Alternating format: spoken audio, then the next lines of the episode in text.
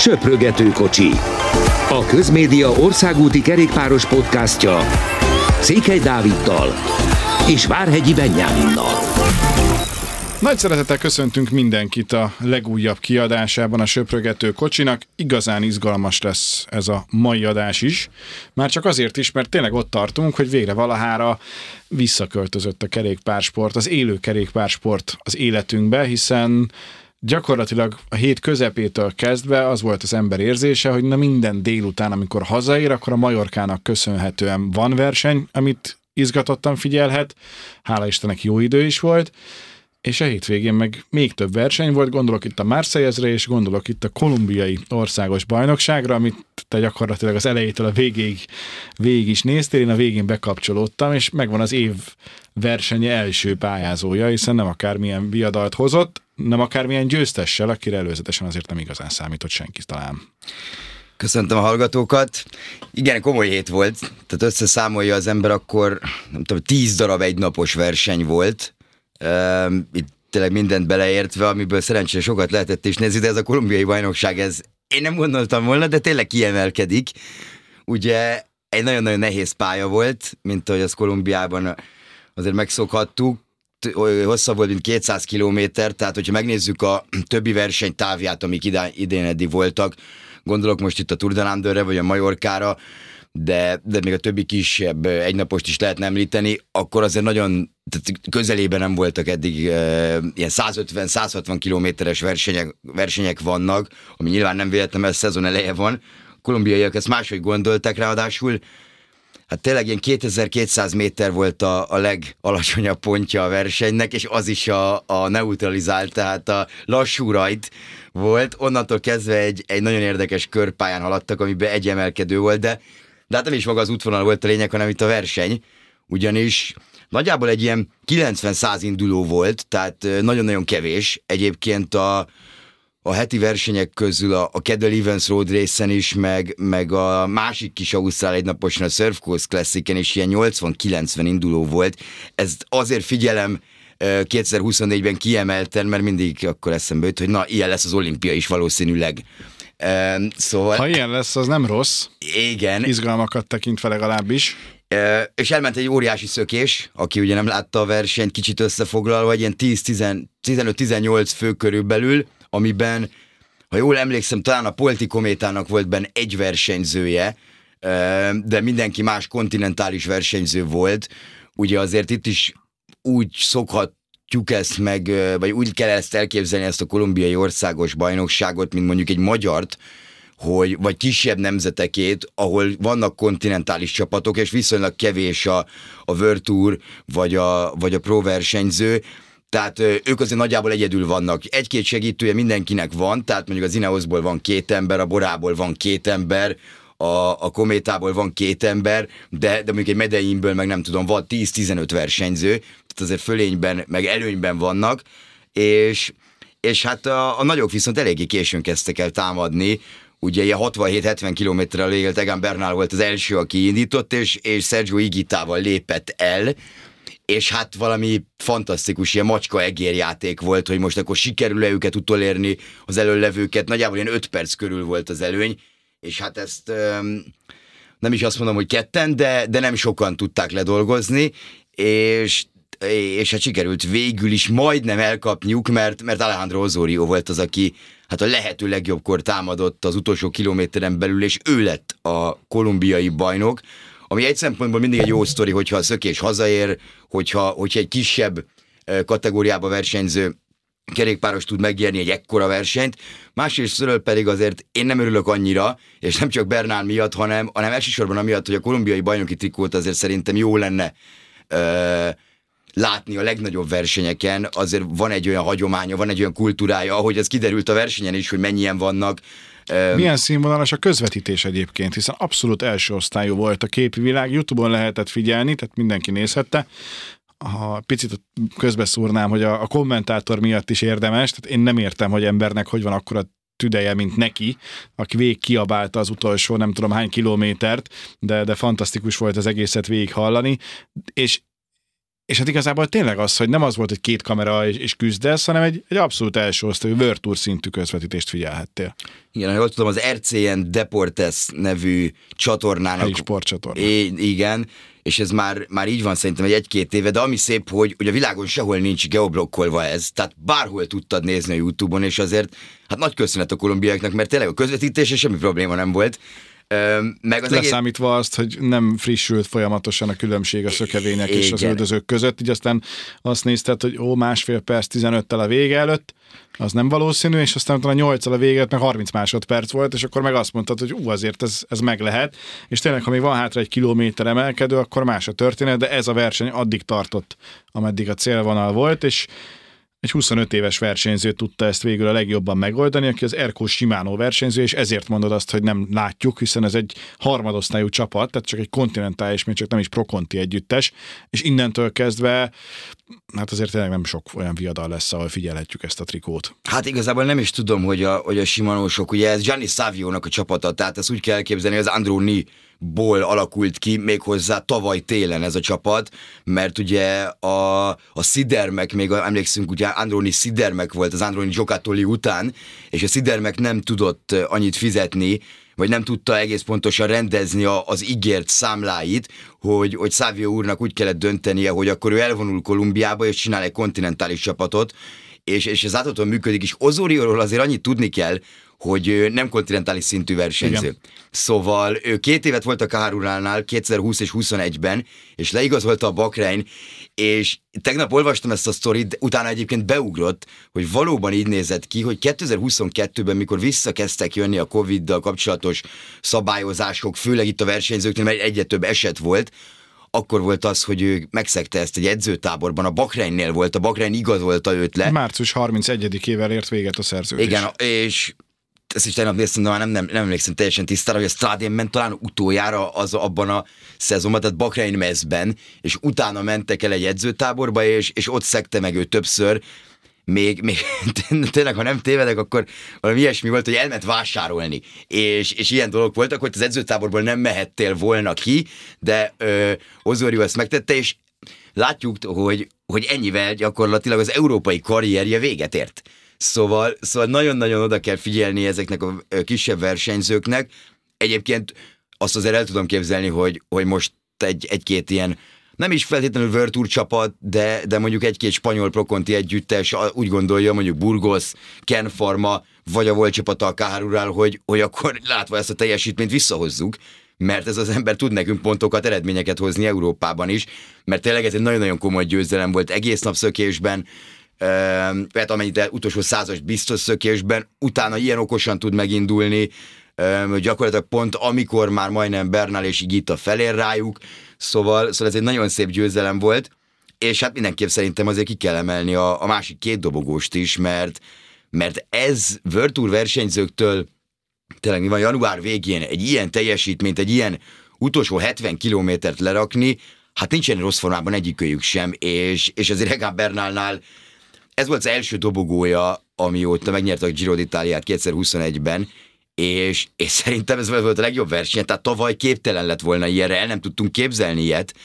és nem az volt, hogy, hogy akkor valaki vitte, Brandon Rivera ott volt ugye a másik kineoszos segítőnek, de, de itt senki sem, hát hogy fogalmazza, senki sem sunyogott el egy, egy beforgás sem, tehát mindenki belerakta a munkát, ezért tudtak felérni 5 perc hátrányból 70 km alatt egy ilyen pályán, páran, tényleg kevesebben voltak, mint a szökésben, szóval ez nagyon bíztató, és, és én mondjuk személy szerint sajnálom azt, hogy Higito nem megy a, a kolumbiai körre, ami nem ezen a héten lesz, hanem a következő, majd február 6-án kezdődik, és, és ugye Bernál is ott a, ugye a Bora nem engedte Igitát a kolumbiai válogatottban sem indulni, Egán pedig a kolumbiai válogatott színeiben fog indulni, mert, mert az Ineos Grenadiers nem indul azon a versenyen, de, de ugye egy Richard Carapaz is ott lesz például, tehát ez egy jó mezőny lesz, és ezek után szerintem picit, hogyha aki látott valamit ebből a versenyből tegnap, az, az mindenképp várja szerintem a, a kolumbiai kört, ami meg szintén egy, hát most három év után tér vissza nagyjából, szóval, szóval azért az is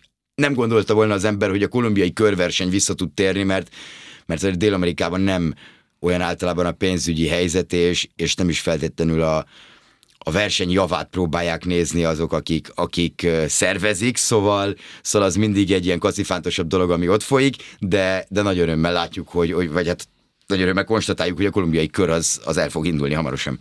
Rátérünk a majorkai versenyekre is, de előtte azért szerintem még a Marseillezről egy pár szót, mert hogy az volt időben hozzánk gyakorlatilag a legközelebb, hála Istennek jó volt az idő, és a végén Kevin Zsinié nyert, egy olyan úriember, aki hát egyrészt luxemburgi, tehát már emiatt is különleges, hogy nem francia, és nem összetévesztendő zseni ezzel.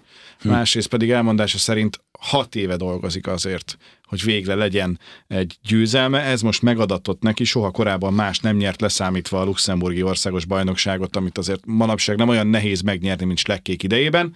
Igen, Úgy, talán hogy... az ilyen Jungel Zsenic lehet körülbelül a harc, vagy nem tudom, tehát így, vagy kicsit közbeszólva, szóval kevesen vannak azért, tehát Mikel Ries a Árkeából, akit tudnék luxemburgi versenyezni most így kapásból, de igen. Csempi Drucker volt egyszer például a második a Cofidisből, de nyilván ő sem az, akit ugye az átlag kerékpársportot kedvelő ember úgy nagyon fölismerne és ismerne. Ő egy 193 centi magas versenyző, és nagyon sokat, három hetet készült Tenerifén azért, hogy itt most ilyen formában legyen, de nagyon boldog, mert hogy megy majd a többi francia kupa versenyre is, amit a következő napokban lesz, például ugye az Etoile de Bessés is egy fontos esemény, de, de ő majd a Virtuokon is szeretne jól teljesíteni, és az FDC-nek nagyon jó napja volt, hiszen a világ másik felén meg sikerült nyernie egy Virtual versenyt, méghozzá a Cadel Evans Great Ocean Road Race-t.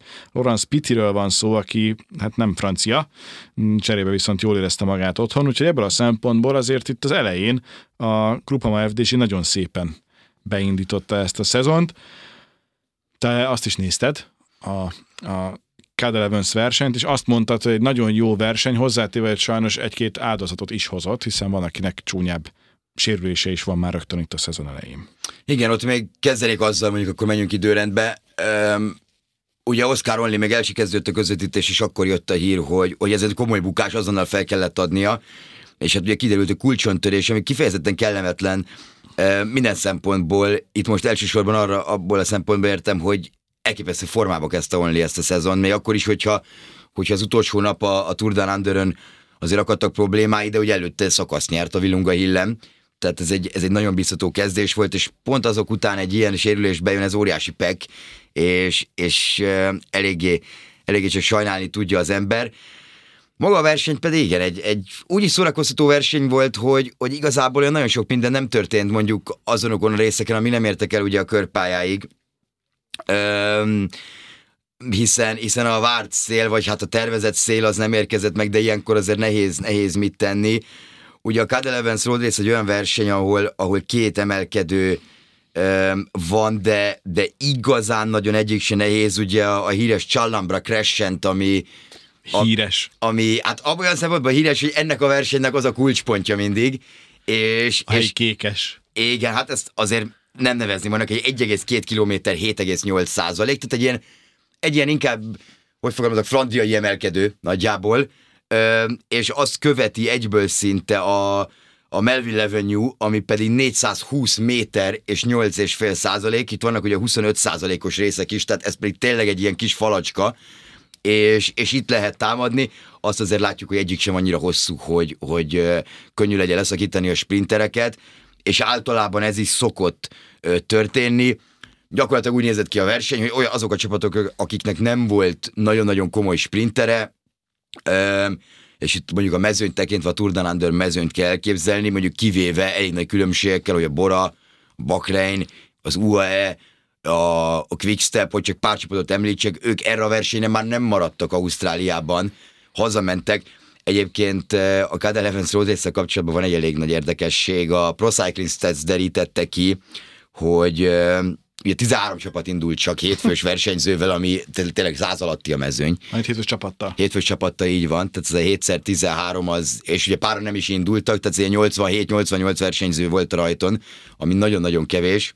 79-en érkeztek be a célba, Ben Swift és Leo Hater az utolsó két versenyző, aki még beérkezett a célba, a többiek viszont nem is fejezték be ezt a viadalt, de hát ők azért nem voltak olyan túlságosan sokan. Igen, és, és ugye van egy szabály, méghozzá a Virtual versenyekre vonatkozóan, hogy, vagy bocsánat, egész pontosan a, a pro versenyekre vonatkozóan, hogy maximum a csapatok 50%-kal lehet World csapat. Tehát például gondoljunk bele egy Tour de Hongrin, hogyha van egy 18 csapat, 9-nél nem lehet több World csapat, ez a szabály. Még akkor is, hogyha jönne 15.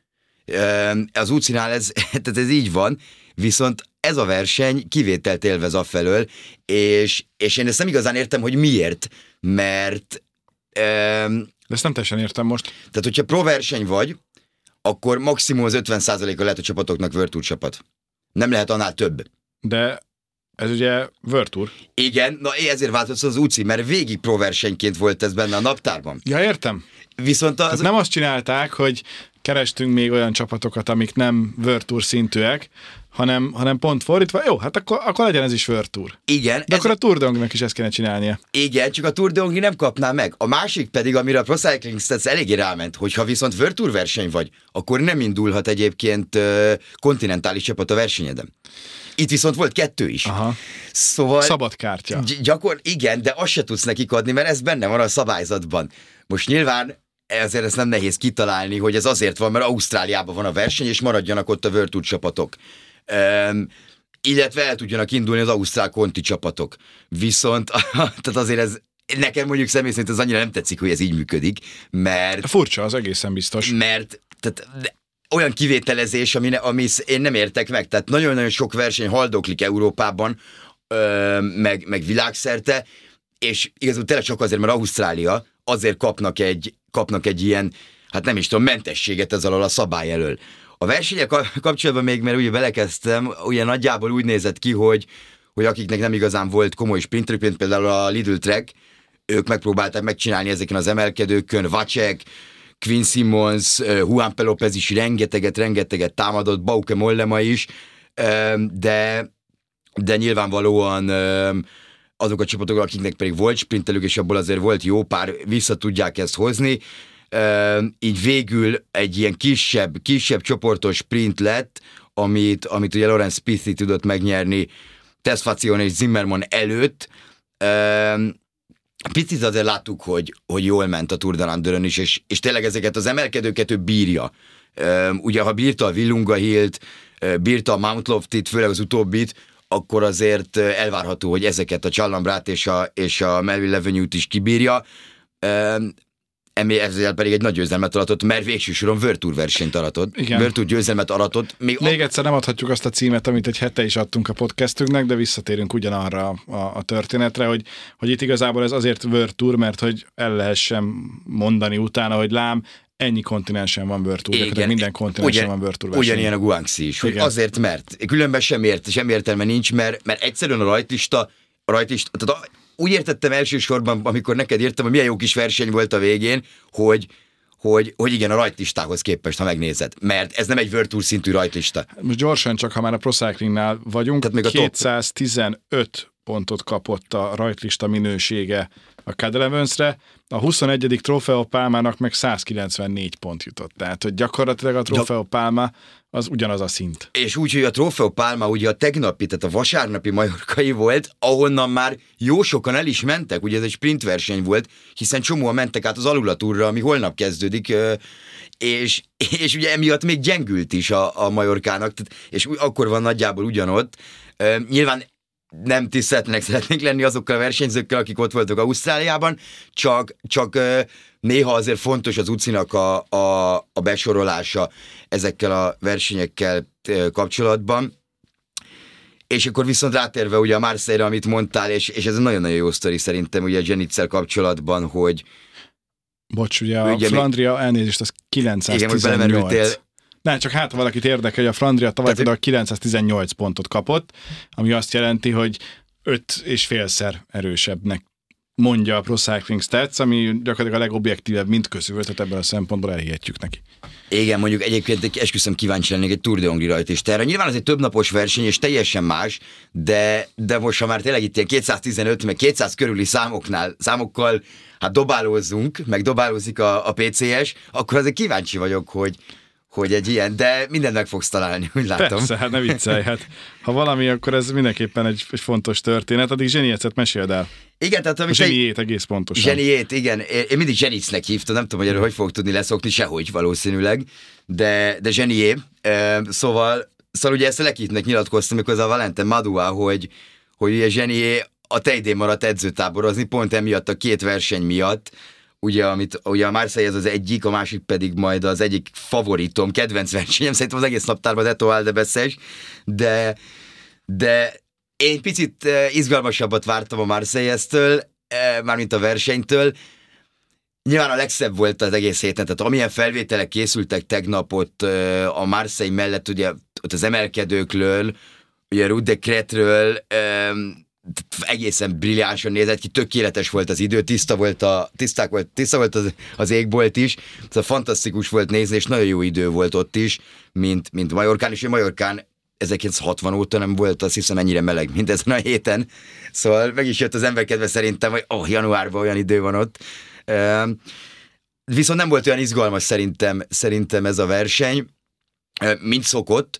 Tehát taktikailag nagy csata volt, de, de az Asedezer és a, és a, és a Gruppama azért abszolút kontrollálni tudta a, a történéseket. Igazából tényleg, hogyha megnézzük, egyetlen egy támadás volt, kettő, legyen inkább kettő, mert először Remi Rosász támadott, mikor utolérték a, a szökést, és Remi Rosász már nem Kofidis, hanem, hanem Gruppama az idei évtől, és, és ugye ráugrott fel először Alex Boden, akire emlékezhetünk, mert elég sokat beszéltünk róla, és, és nekem nagyon-nagyon furcsa mindig ez a, mindig ez a, nem is azt mondom, hogy csend, csak, csak hogy sehol sincs nagyjából megemlítve, hogy Alex Boden a tavalyi Giro után, ugye ő doping eltiltást kapott, viszont ez alól hát nem is tudom, talán a január harmadikai, vagy, vagy tizedikei podcastünk volt az, ami, az, ami emlékszem, hogy sétáltam ki én a stúdióban, és akkor néztem a híreket, mert amiatt beszélgettünk, mik voltak a hírek, és akkor volt, hogy Bodent felmentették, és, és ugye emiatt az Ásedezer pedig visszavette a keretébe,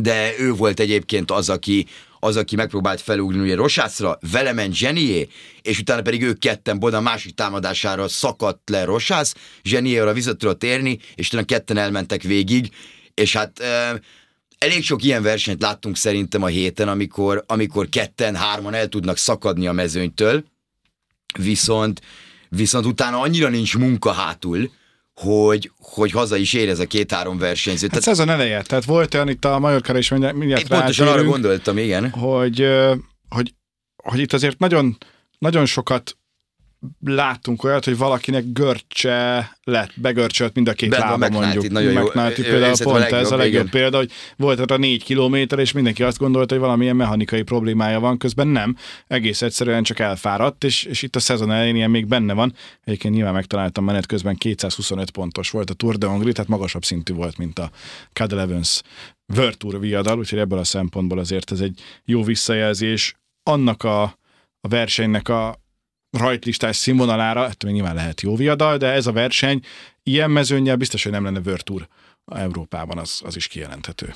Igen, és még tényleg erre, erre egy picit visszatérve, hogy, hogy ebbe azért bele, bele van szám, számolva az is, hogy, hogy a Tour de Hongrie nem kettő és nem három kontinentális csapat van, ha, ha emlékszünk. Tehát itt van a magyar válogatott, um, itt, van, itt vannak kis, tényleg kisebb kontinentális csapatok a környező országokból, és ez úgy adódik össze, és ráadásul ugye a Virtual, Virtual csapatok is azért hát a fiataljaikat hozzák el ide. Nem egy, nem két olyan Virtual csapat van, akik az elmúlt években tényleg a, felhoznak versenyzőket a, az utánpótlás programjukból, és, és úgy állítanak össze keretet, szóval, szóval ez szerintem egy elég jó visszajelzés a Tour de Hongrinak, de, de tényleg zárójel, zárójel bezárva. Szóval visszatérve erre, a, erre a, hát most már stagnáló problémára, mert szerintem ez folyamatosan így van, hogy, hogy az ember nagyon-nagyon nehéz a, magát a, a kerékpárversenyeket így így kiszimulálni igazából a képernyő elől, hogy akkor mi történhet a kocsiban, meg kinek mit kéne csinálnia. Mert annyi kis dolog van, amit, amit mi nem tudunk, és annyi kis dolog van, amit egyébként az autóban sem feltétlenül tudnak a csapatok. És itt most nem arra gondolsz, hogy valaki megáll az útszélen. Nem, nem, nem. Tehát itt most erre a taktikai részre gondolok, hogy, hogy, hogy hogy lehet az, hogy elmennek ketten, és tizen üldözik őket elvileg, és, nem őket és, nem, és nő, a, nő a különbség. És azért, mert amikor például ugye azt látjuk, hogy, hogy nem, egy ilyen, nem egy ilyen forgásszerű összedolgozás van hátul, hanem, hanem támad ez, visszahozzák, támad az, visszahozzák, akkor, akkor persze, hogy nő, mert elől meg tempót mennek, és ezt pontosan tudják. És, és ugye ilyen szempontból a, a Marseille ez ilyen szempontból kivétel volt, mert nehéz mit csinálnod akkor, hogyha van elől, van elől egyébként egy grupa más, van elől egy ezeres, és van egy 15 fős hátsó csoport, amiben három-három van mind a két csapatból. Mert egyértelműen mondjuk lassítani fognak. Kivéve akkor, hogyha mondjuk az egyik csapat úgy dönt, hogy az előlevő versenyzőibe ő nem feltétlenül bízik, hogy ezt meg tudja nyerni, az ellen, aki ellen ott van. Tehát például mondjuk, hogy kitalálta volna a, a Decathlon, hogy ők Bodenben nem, durva nem, nem, hogy lett egy újabb kométánk, csak Decathlon, ugyanaz a szín zárója bezárva. Igen, csak ugye a kométa se váltott. Igen, és igen, igen, igen, igen, maradt, mert Nekem nem, tetszik, nekem nem tetszik ez a mez egyébként. Nekem tetszik. Nekem én, én a barna nadrágosat jobban bírtam meg. Hát, megmondom őszintén. Több szempontból is hasznos. Igen, igen, lehet így is fogalmazni. Szóval, szóval ugye itt például az történhetett volna, hogy mondjuk Bodenbe vagy Zsenébe nem bízik a csapata, és azt mondja, hogy mi hátul elkezdünk dolgozni, mert, mert nem tudom, jobban bízunk abban, hogy Pierre Gotterat vagy, vagy Orlinen Paré meg fogja tudni nyerni ezt a versenyt. Nem ez történt, ennek ellenére szerintem tényleg az utolsó ilyen macskaegeri játék ott is az, az nem volt annyira szórakoztató, mint, mint, a, mint amilyen volt ugye a, a kolumbiai bajnokságon, de, de a Marseille pedig tényleg mindig egy gyönyörű verseny, és nagyon jó nézni tényleg ebbe a jó időbe. Az ijesztő bukás meg szerencsére mindenki megúszta ott, amikor hát jöttek lefele egy az egyik emelkedőről, és szalakkorláton senki nem esett át, azért az egy elég nagy mázi volt. És akkor Majorka. Majorka, így van. Mennyire tetszik neked ez a fajta koncepció, hogy nem egy ötnapos verseny van, hanem öt egynapos? Mert ne- nekem, bocsánat, hogy megelőzlek, nekem nagyon. Tehát nem mondom, hogy egész évben szeretnék ilyet látni, de, de picit el lehetne menni ebbe az irányba, hogy több olyan egyhetes, vagy majdnem egyhetes időszak legyen, amikor egy ország megrendez öt különálló versenyt, és akkor nem az van, hogy taktikázunk, hogy akkor most én nekem csak őt kell utolérnem, őrá figyelek, hanem igenis van két sprint, meg van három ilyen hegyi, vagy hegyi, hegyes verseny. Jó gondolat, nekem is nagyon tetszik. Tehát ugyanazt, ugyanazt szerettem volna mondani én is, amit, amit te.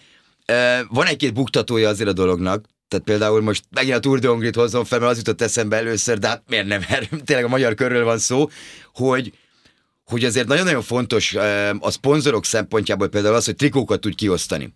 És ugye itt nem tudsz ilyet csinálni. Nyilván lehetne egy olyan alternatív megoldást is egyébként, hogy, hogy, hogy mondjuk kapsz trikókat ezért, vagy, vagy, mert ugye itt is vannak hegyi hajrák, itt is vannak pontok, ugye szakasz közben, tehát ilyen intermediate pontok, sprint pontok, tehát ezeket a, ezeket a úgynevezett, úgymond versenyszámokat tényleg itt is, be, itt is tartják, de ugye nem igazán számítanak, mert tényleg trikót nem kapsz, és mondjuk Szerintem egy, egy ilyen kisebb több naposnak nagyon-nagyon fontos az, hogy a szponzorok meg tudjanak jelenni, és emiatt nagyon komolyan veszi minden kis verseny a hegyi trikót, ugye ezt kis csapatok tudják megnyerni, és általában a, a Pro, meg a 2.1-es, meg kisebb országoknak a, a, a körversenyein, ezekre tényleg a kis csapatok mennek rá általában. Ugye, főleg a hegyi trikóra, ugye a pontikót az nehéz, hogyha van két-három sprint szakasz, akkor azt valószínűleg meg fogja nyerni egy, egy olyan versenyző, aki nyer két sprint szakasz mondjuk, de, de olyan szempontból viszont nagyon jó a koncepció, hogy hogy el tudsz vinni egy, egy helyre 10-15 versenyződet. Mert itt is az van, hogy ugye neveznek a csapatok, és, és nincs megszabva abból, hogy hány versenyzőt nevezhetsz te be erre az öt napra. Tehát teljes keretedet benevezheted, és még eldöntöd, ki indul. Ugye átlagban és tényleg így hasamra ütök, 10-13 versenyzőt szoktak benevezni, mert, mert a Challenge Majorca ráadásul olyan szempontból szerintem kifejezetten jól van megcsinálva, még szintén emellett a, a formátum mellett, hogy hogyha megnézzük, van igazából hát kettő-három nehezebb hegyi nap, de sőt, egy nagyon nehéz hegyi nap, ugye ez a Trofeo Tramuntana, egyébként nehezebb szokott lenni, mint idén volt, de ez tényleg igazából részletkérdés, meg van két ilyen hegyesebb nap, ugye az első a Calvia, és és talán az Andrács, vagy nem is tudom, hogy kell pontosan mondani, az volt a szombati, amit meg ugye Pelayo Sánchez nyert, ez nagyon szórakoztató verseny volt, de van két sprint nap is, és tök más csapatokat tudsz odarakni, emiatt nagyon jó, engem egy dolog zavart, és, és ezt eh, Bonár Geriek ki is emelték, a, hogy, hogy, és nagyon igazuk van szerintem, ugye benevezel pont, nem, nem is tudom, 10-12 versenyzőt, és hiába öt különböző verseny, mindenki egy darab számot kap ezért össze-vissza vannak a számok a verseny közben, és, és azt látod, hogy 11-es, na akkor nézed, hogy ez biztos, hogy ez a csapat, mondjuk a második csapat, aki számozást kapott, de nem, lehet, hogy nem tudom, a negyedik, ötödik csapat, és össze-vissza kell keresgélni, szóval nem tudod, hogy épp, vagy hát tudnod kell, hogy épp ki van a versenyben, ami alapból sem már, de, de zavaró tud lenni ez kommentátor szemmel, szurkolói szemmel, mindenhogy. De hát ezek tényleg részletkérdések.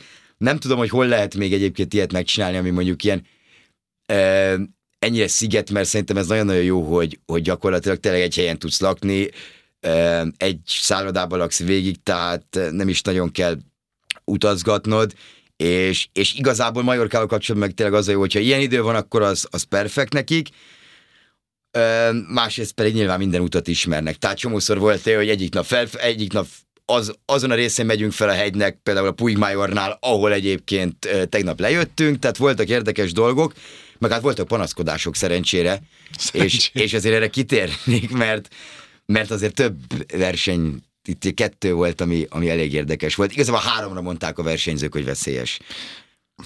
Az egyik az, az ugye az a szakasz volt, amit Paul Magnier nyert meg, amire, amire szintén szerintem érdemes kitérni, mert ráadásul győztesek is Simon Carr, Paul Magnier, ugye Leonard van Étvelt, tegnap is sprintet, ugye Gerber Tyson nyerte, az talán nem meglepetés, és még volt egy győzelme Pelayo Sáncheznek is, tehát azért négy olyan név az ötből, akire nem igazán feltétlenül számított az ember a rajtlistát nézve. Ugye itt voltak, akik el- először nyertek, gondolok itt Manierre, aki ráadásul rekordokat döntött, tehát tényleg a Quickstep történetének második legfiatalabb profi győztese, nem is tudom, hanyadik francia legfiatalabb profi győztes, tehát azért itt voltak, voltak nagy történetek, de voltak panaszok is. Ugye a sprintek, igazából, ugye, amit említettem, két sprint volt, mind a kettő botánosan veszélyes volt, tehát itt nem lehet csinálni. Ezzel én egyetértek, 200 méterre beraknak egy kanyart, ami tiszta poros, a 200 méter a cél előtt úgy értem, az az egyik, tehát az biztos, hogy ki lehet adni, hogy 800-nál legyen ez a kanyar, és akkor még nincs akkora, akkora tempó, meg akkora, akkora tülekedés. A másik pedig ez a pálmái befutó volt tegnap, amit tényleg igen, igen, megtettek öt kört azon a pályán, tehát ők tudták, hogy mi van, de, de azt láttuk, hogy, hogy hát minden, mind az öt körbe tényleg így izzadt az ember, hogy úristen, létszi, január 28-a van itt, most ne történjen semmi senkivel, könyörgöm. A másik pedig, amit ugye Vlasov említett, amit elbukott versenyt, ugye Fanétvelt ellen, a, a Tramuntana, hogy felmész az utolsó hegyre, és onnan 19 kilométert le kell menni, és Alexander Vlasovnak azzal volt a problémája, hogy mi, minek kell olyan versenyt csinálni, meg olyan, végé, olyan finist csinálni, olyan befutót csinálni, ahol az utolsó 5 kilométeren az embernek nem kell tekernie, nem kell pedáloznia, és, és ebbe is igazat tudok neki adni, de, de nyilván ő is elmondta, hogy ez egy Challenge Majorkán nem biztos, hogy a maxot kockáztatja, és pont ez a lényeg abban, amit mond, hogy, hogy igen ám, de csomó olyan verseny van a szezonban, ahol igen, hát a Majorkán se történt baj, akkor nálunk biztos nem fog történni baj, viszont igen, nem kockáztatnak ugyanannyit a versenyzők, mint egy nagyobb versenyen, és erre több példát is láttunk, tehát a, a biztonsági kérdések még azért mindig, mindig jelentenek problémát, de, de ennek ellenére jó volt, hogy, hogy ilyen jó időben lehetett tekerni a Challenge Majorkát, és nem az a kínszenvedés volt, mint tavaly, hogy 5 fok és ömlő eső 5 napon át.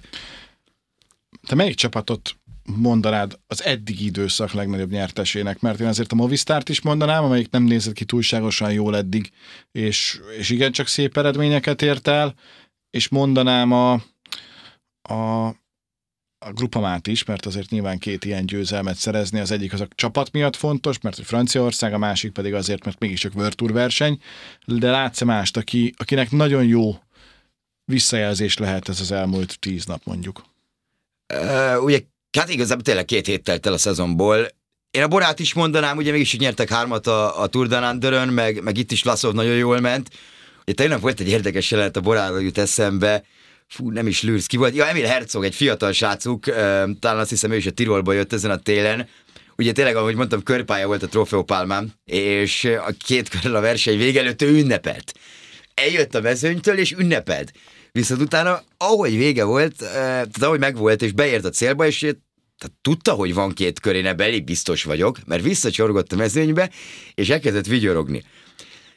Szerintem mindenki azt hitt, hogy ő a következő, hát most éppen Ilan van Wildertől vette át a, a, ezt a stafétabotot, hogy ünneplek, úgyhogy nem én nyerek, de, nem is tudom, melyik versenyen volt Van Wildernek, talán a tavalyi Algarvon, de, de ebben tényleg nem vagyok biztos. És, és utána kiderült, hogy volt egy ilyen speciális sprint két körrel a vége előtt, és ő azt ünnepelte, hogy megnyerte, mert utána felállított a dobogóra, tehát ő tudta, hogy mit csinál, csak kicsit poénkodott, hogy úgy tesz, mint a megnyerni. De talán a Bora lenne az egyik, mert, mert ugye Vlasov is nagyon jól ment, csak az eddig időszak nyertesének nyilván lehet mondani, csak mondjuk a Borának tudjuk, hogy mi fogja meghatározni a szezonját, és senki nem fog emlékezni arra, hogy ők most mit csinált Lasszava Challenge Majorkán. Én az UAE-t egyébként ide venném, mert, mert hogyha megnézzük, Hát egyrészt Brandon mcnulty óriási bizalmat fektettek, és, és egész télen volt erről szó, hogy tényleg olyan szuperlatívuszokban beszéltek McNulty-ról a csapatvezetés terén, hogy ő egy későn érő versenyző, de ő, ő az egyik kapitányunk. Tehát, hogyha az öt legfontosabb versenyzőt kéne mondani az UAE-ból, akkor ők úgy tekintenek rá, hogy McNulty az egyik. Tehát McNulty nem azt fogja csinálni, hogy elviszik a Tour de France-ra és, vagy a Giro-ra, és Tadej Pogácsárnak ő segíteni fog. Mert ennél többet szeretnének belőle kihozni, és szeretnék elkezdeni azt, hogy nyerjen, ami ugye sajnos még itt nem sikerült. Viszont ami miatt az UAE nálam nagyon-nagyon elől van, az azért, mert elképesztően bekezdte, tehát az első két hétben az ő fiataljaik voltak szerintem a legjobbak. Uh-huh. Először is Isaac del Toro, ugye a Turdanán nyilván. nyilván, de, de mondhatnám ott egyébként Antonio Morgádót is, aki az utolsó nap egy nagyon komoly szökésbe volt benne a, a Mount of Tis napon, és őt adott ki legtovább, illetve Igor Arrieta elég komolyat ment itt az a hát hétvégi, tehát a péntek-szombati két majorkai versenyen. Ugye emlékszünk, hogy szombaton, hát ugye ő volt egyedül szökésben, viszont utána sajnos volt egy bukása, tehát emiatt nem tudott harcolni igazából a győzelemért. Szóval nekem ez, ez nagyon tetszett az UAE-ban, hogy, hogy a fiataljaik ennyire beválnak. Nyilván a grupamának ez, ez a vasárnap miatt ez, ez nagyon komolyan előjött, pedig ők nagyon gyengén indították a Tour Down például, olyan szempontból, hogy, ha az ember olvasta a grupamának a cikkjeit, akkor, akkor semmivel se voltak elégedettek. Tehát tényleg az volt, hogy, hogy Jussi Vejkánán, aki itt, itt a Giron is volt, és majd Budapesten is lehetett vele találkozni, volt szerencsém vele beszélgetni a, ezen a grupamás Walterat is sajtó ö, ö, hát közönség és sajtó találkozón ugye ezen a közös kerékpározáson, és, és az Jussi Vejkánán mondta, hogy, hogy hát igazából látszik, hogy ezek a versenyzők még életükben nem mentek együtt, mert az, hogy nem találják egymást a mezőjén belül, mm. tehát itt van mi javítani. Na most innen jutott ide az Ausztrál Társaság, hogy megnyerte a, a Cadel Evans Road részt, és, és volt egy top 5-ös helyezése, a, több top 5-ös helyezése a Tour de Landeren, szóval messziről jöttek, és, és a grupamánál is nagyon, nagyon, nagyon tetszenek az embernek a fiatalok, tehát nagyjából ők azok, akik, akik eszembe jutnak. Jó, szerintem nézzünk előre, ha nem marad benned sem más jövő héten a leglátványosabbnak, meg a legizgalmasabbnak én azt gondolom, hogy a Valenciana tűnik. Én is ezt mondtam volna, de a tegnapi kolumbiai bajnokság után azért nem felejtem el, hogy lesz egy ekvádori most. És ha ott is fele ilyen izgalmakat kapunk, és fele ilyen szintű közvetítést, vagy streamet tudunk találni, akkor azért én azt a versenyt vasárnap estre beterveztem magamnak. És az ugye jó, mert viszonylag normális időpontban van az európaiaknak is tekintve, hogy szabadtéri és, és nappali sportág, de azért a, a Valenciánál a, a, a Hindley, Kemna, Vlasov, Borasor az egyáltalán nem tűnik gyengének. Az UAE is szerintem. Az UAE is ott van, van, ugye Kovi, Gross, Schartner, McNulty, többek között, csak a felét mondja el ilyenkor az ember, de a Movistar, a Bahrain is azért Bújtrágóval például képviselteti magát, ami szintén nem egy rossz hír, ott van a J.Q. is, tehát jó néhány erős együttest figyelhetünk. A Kométa is indul egyébként, de ott magyar versenyző nincsen, úgyhogy Fetteléket ott nem látjuk Igen, majd. Erik az Antálján kezdi majd, nem, nem ezen a most, a ma kezdődött héten, ugye hétfő van, hanem majd a jövő héten, február 8-án kezd egy négy napos 2.1-es versenyen Törökországban, Erik.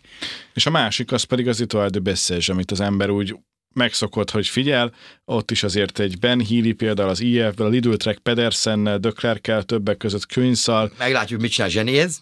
Ott ugye? van Zsini is, aki megkapta az egyes rajtszámot, ha lehet hinni a, az előzetes rajtszám kiosztásnak. Úgyhogy ott is vannak azért elég komoly nevű versenyzők, egy picit úgy, úgy rosszul jön ki, hogy 31-e mind a kettő, amikor elkezdődik, ugye a Beszes az, az más verseny, mert az 2.1-es kategóriájú, míg a, a Valencia az 2 pont pro. Igen, hát úgy, úgy kell nézni ezt a hetet, hogy, hogy három több napos lesz. Ugye kettől szombatig van a Szaudarábiában az Alulatúr, ezt követően pedig ugye szerdától vasárnapig megy a Valencia és a Beszes. A Valenciánál nálam kicsit egyébként az útvonal nem, tehát nem annyira tetszik, megmondom őszintén, nincs ilyen rendes hegyibe futó, amit a Valencián megszokhattunk. Ez az egyik. A, a Beszesé viszont nagyon tetszik, mert két nehezebb hegyi szakasz is van. Ugye szerdán egyből már ez a Bellegárd, Bellegárd a szokásos sík, és akkor fel egy falra a végén, illetve a végén az ötödik szakasz vasárnap pedig az a nagyon-nagyon izgalmas időfuttam, amikor felmennek a várba, ami, ami azért mindig meg tudja borítani. De, de nagy különbségre egyik versenyen se számítok, sokkal inkább ilyen bónusz másodpercek alapján döntés. Viszont, viszont ez tényleg jó látni, hogy, hogy három több napos is van, és mind a hármat lehet majd követni, tehát abszolút lesz miről beszélni jövő héten is. Igen, és ez a fontos, hogy ez 15 éve még abszolút mértékben. Tehát ott, ott az első az általában a Párizs Nizza és a Tireno volt. És aztán bejött talán az Omloop, vagy nem tudom, a, a nyitó hétvége. Tehát ebből a szempontból most egy nagyon-nagyon jó helyzetben vagyunk, és ezt, ezt rendkívüli módon értékeljük. Reméljük, hogy ti is értékeltétek ezt a mostani adásunkat. Ez sem lett rövid, és jövő héten is elég valószínűleg tartjuk, hogy hasonlóan komoly és hosszú történettel jelentkezünk, úgyhogy azt is hallgassátok. Mostanak köszönjük szépen a figyelmet, sziasztok! Köszönjük, sziasztok!